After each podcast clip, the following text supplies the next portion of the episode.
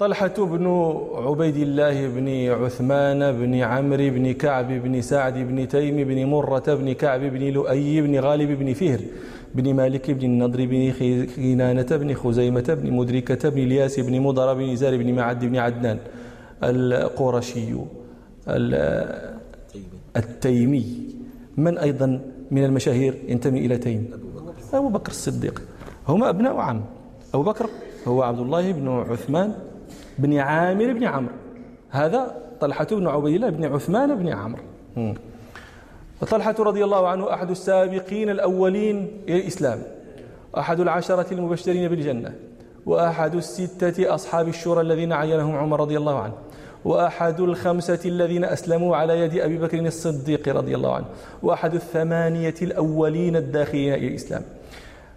ذكروا في سبب إسلامه روايات منها ما ساقه ابن سعد بسنده إلى طلحة رضي الله عنه قال أتيت سوق سوق بصرى بصرى هذه مدينة بالشام. قال صاحب الروض المعطار هي مدينة حوران وليست هي البصرة التي في العراق. نسأل الله أن يفك كرب أهلهم جميعا. قال حضرت سوق بسرى فإذا راهب في صومعته يقول سألوا أهل هذا الموسم هل فيهم أحد من أهل الحرم؟ قال طلحة فقلت أنا. فقال ذلك الراهب أخرج أحمد. قال من أحمد؟ قال ابن عبد الله بن عبد المطلب.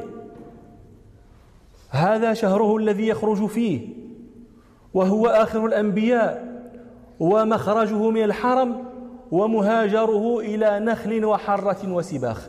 فإياك أن تسبق إليه. قال طلحة فوقع في قلبي ما يقول فخرجت حتى أتيت مكة سريعا فسألت أحدث أمر؟ قالوا محمد بن عبد الله الأمين تنبأ وتابعه ابن أبي قحافة. قال فذهبت حتى أتيت أبا بكر فقلت له أتبعت هذا الرجل؟ قال نعم وأنت فاذهب إليه فاتبعه فإنه يدعو إلى الحق. قال فأخبرته بقول الراهب قال فأخذني أبو بكر فذهب بي إلى رسول الله صلى الله عليه وسلم فأسلمت. ثم أخبرت رسول الله صلى الله عليه وسلم بما قال الراهب فسر بذلك رسول الله صلى الله عليه وسلم. فلما أسلم أبو بكر وطلحة تيميان كل منهما أخذهما نوفل بن خالد بن العدوية الذي كان يقال له أسد قريش فشدهما في حبل واحد ولم يمنعهما بنو تيم. فكان لذلك طلحة وأبو بكر يقال لهما القرينان. لأنهما قرنا في حبل واحد وشهد طلحة رضي الله عنه المشاهد كلها مع رسول الله صلى الله عليه وسلم إلا بدرا فإنه لم يشهدها كان بالشام ولم يرجع حتى كان رسول الله صلى الله عليه وسلم قفل راجعا من بدر. لكنه شهد المشاهد بعدها وأبلى البلاء الحسن يوم أحد. ذا يوم أحد يوم يعني أخذ طلحة فيه الذكر واستحوذ عليه. وقى النبي صلى الله عليه وسلم بنفسه. و, و, و, و, و يعني وقاه النبل بيده حتى شلت يده. يقول البخاري في الصحيح عن قيس بن أبي حازم قال رأيت يد بن يد طلحة بن عبيد الله شلاء وقى بها رسول الله صلى الله عليه وسلم يوم أحد وضرب بالسيف على رأسه وحمل رسول الله صلى الله عليه وسلم على كتفه حتى صعد صخرة. قال روى الترمذي في سننه عن الزبير بن العوام رضي الله عنه قال كان على رسول الله صلى الله عليه وسلم درعان يوم أحد. فنهض رسول الله صلى الله عليه وسلم إلى الصخرة فلم يستطع فأقعد طلحة تحته فصعد فصعد حتى استوى رسول الله صلى الله عليه وسلم على الصخرة. فقال رسول الله صلى الله عليه وسلم أوجب طلحة. يعني أوجب الجنة بفعله هذا رضي الله عنه. ومن بلائه البلاء الشهير ذلك اليوم. آه، ما رواه أبو داود آه، عن جابر بن عبد الله رضي الله عنهما قال لما كان يوم أحد وولى الناس كان رسول الله صلى الله عليه وسلم في ناحية في اثني عشر رجلا من الأنصار فيهم طلحة بن عبيد الله. فالتف فأدركهم المشركون. اثنى عشر رجلا فأدركهم المشركون. والنبي صلى الله عليه وسلم في ناحية المسلمون الغوث بعيد. فالتفت رسول الله صلى الله عليه وسلم فقال من لي القوم فقال طلحة أنا يا رسول الله. فقال له النبي صلى الله عليه وسلم كما أنت. كما أنت يعني؟ تحركش. فقال رجل من الأنصار أنا يا رسول الله. فقال أنت. فقاتل الأنصاري حتى قتل. فإذا المشركون. فقال النبي صلى الله عليه وسلم من القوم؟ فقال طلحة أنا يا رسول الله. فقال له النبي صلى الله عليه وسلم كما أنت؟ فقال رجل من الأنصار أنا يا رسول الله. فقال أنت؟ فخرج فقاتل حتى قتل مثل صاحبه. ثم لم يزل كذلك يخرج الرجل من الأنصار فيقاتل كما قاتل صاحبه حتى يقتل. حتى لم يبق إلا رسول الله صلى الله عليه وسلم وطلحة بن عبيد الله. قتلوا جميعا. فقال رسول الله صلى الله عليه وسلم من للقوم؟ فقال طلحة أنا يا رسول الله. فقاتل طلحة قتال الأحد عشر رجلا. حتى ضربت يده فقطعت أصابعه. فقال حس. فقال له النبي صلى الله عليه وسلم لو قلت بسم الله لرفعتك الملائكة والناس ينظرون. ثم رد الله المشرك. ومن وروى ابن عساكر في التاريخ أن رسول الله صلى الله عليه وسلم لم ينصرف يوم أحد حتى قال لحسان قل في طلحة. لأجل بلائه ذلك اليوم البلاء العجيب قل في طلحة. فقال حسان رضي الله عنه وطلحة يوم الشعب آسى محمدا. صلى الله عليه وسلم. على ساعة ضاقت عليه وشقتي يقيه بكفيه الرماح وأسلمت أشاجعه تحت النبال فشلتي وكان إمام الناس إلا محمدا صلى الله عليه وسلم. أقام رحى الإسلام حتى استقلت. وقال أبو بكر رضي الله عنه يذكر صنيع طلحة يقول حمى نبي الهدى والخيل تتبعه حتى إذا ما لقوا حمى عن الدين صبرا على الطعن إذ ولت جماعتهم والناس من بين مهدي ومفتون. يا طلحة بن عبيد الله قد وجبت لك الجنان وزوجت المهلعين. وقال طلحة وقال حسان رضي الله عنه أيضا يذكر طلحة قال ترك الخيار نبيهم وأقام طلحة لم يزل إذ قام أصحاب القنا والقوم هراب عزل. ستر النبي بكفه وحماه بطريق بطل. وكان طلحة رضي الله عنه في في يوم أحد يقاتل مرتجزا نحن حماة غالب ومالك نذب عن رسولنا المبارك نضرب عنه القوم في المعارك ضرب صفاح الكوم في المبارك. ومناقبه كثيرة رضي الله عنه. منها تلك المنقبة التي ذكرت لكم التي رواه الترمذي عن الزبير بن العوام أنه قال كان على النبي صلى الله عليه وسلم درعان يوم أحد فنهض النبي صلى الله عليه وسلم فلم يستطع فأقعد طلحة تحته ف... ف... ف... ف... فصعد النبي صلى الله عليه وسلم حتى استوى على الصخرة ثم قال النبي صلى الله عليه وسلم أوجاب طلحة. ومن مناقبه رضي الله عنه ما رواه أبو داود عن عن طلحة رضي الله عنه. قال قال أصحاب رسول الله صلى الله عليه وسلم لأعرابي جاهل سله عمن قضى نحبه من هو؟ وكانوا لا يجترئون على مسألته يوقرونه ويهابونه. فسأله الأعرابي فأعرض عنه الرسول صلى الله عليه وسلم. ثم سأله فأعرض عنه.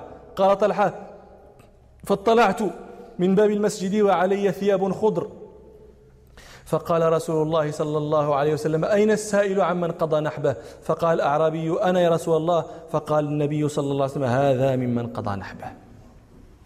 ومن مناقبه رضي الله عنه ما رواه مسلم عن أبي هريرة رضي الله عنه قال كان رسول الله صلى الله عليه وسلم على حراء هو وأبو بكر وعمر وعثمان وعلي وطلحة والزبير فتحركت الصخرة. فقال النبي صلى الله عليه وسلم اهدأ فما عليك إلا نبي أو صديق أو شهيد. وطلحة فيه منهم.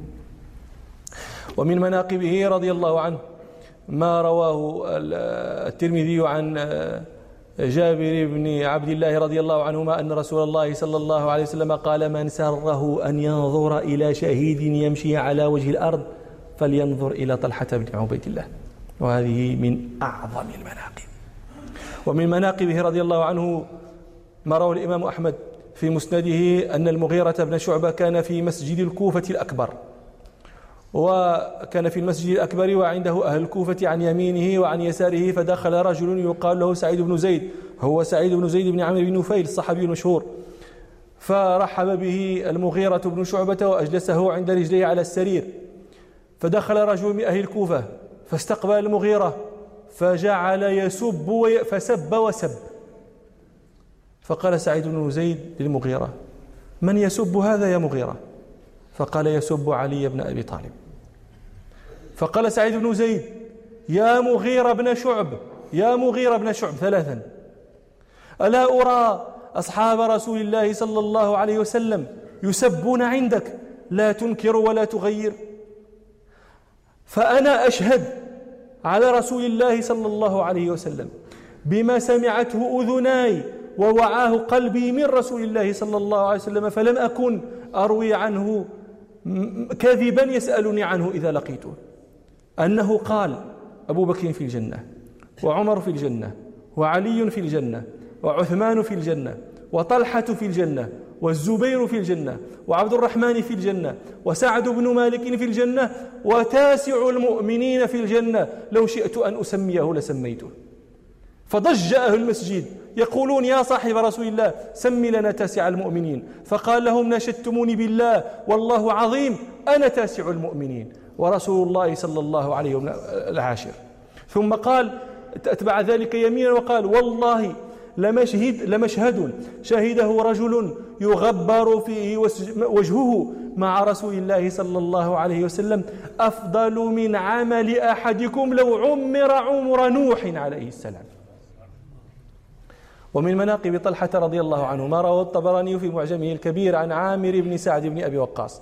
قال بينما سعد مر سعد فإذا رجل يشتم عليا وطلحة والزبير. فقال له سعد إنك تشتم أقواما سبق لهم من الله ما سبق. لتنتهين عن شتمهم أو لأدعون عليك. فقال له الرجل تخوفني كأنك نبي. فقال سعد اللهم إن هذا يشتم أقواما سبق لهم منك ما سبق. اللهم اجعله نكالا اليوم. قال عامر هذا الراوي قال فأقبلت بختية بختية هذا نوع من الجمال من البعران قال فأقبلت بختية فأفرج لها الناس فتخبطت.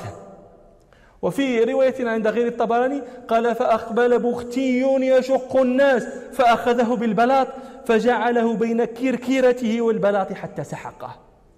قال فأنا رأيت الناس يتبعون سعدا يقولون له هنيئا لك أبا إسحاق استجيبت دعوتك. طبعا هي منقبة لسعد بن أبي وقاص أولا. ولكن الذين غضب الله لهم فاستجاب لهم دعاءه فاستجاب استجيب الدعاء طلحة وعلي والزبير ومن مناقبه رضي الله عنه ما روى ابن عساكر في التاريخ أن طلحة رضي الله عنه جاءه مال من اليمن من حضرموت سبعمائة ألف. فبات ليلته يتململ. فقالت له زوجته ما لك يا أبا محمد؟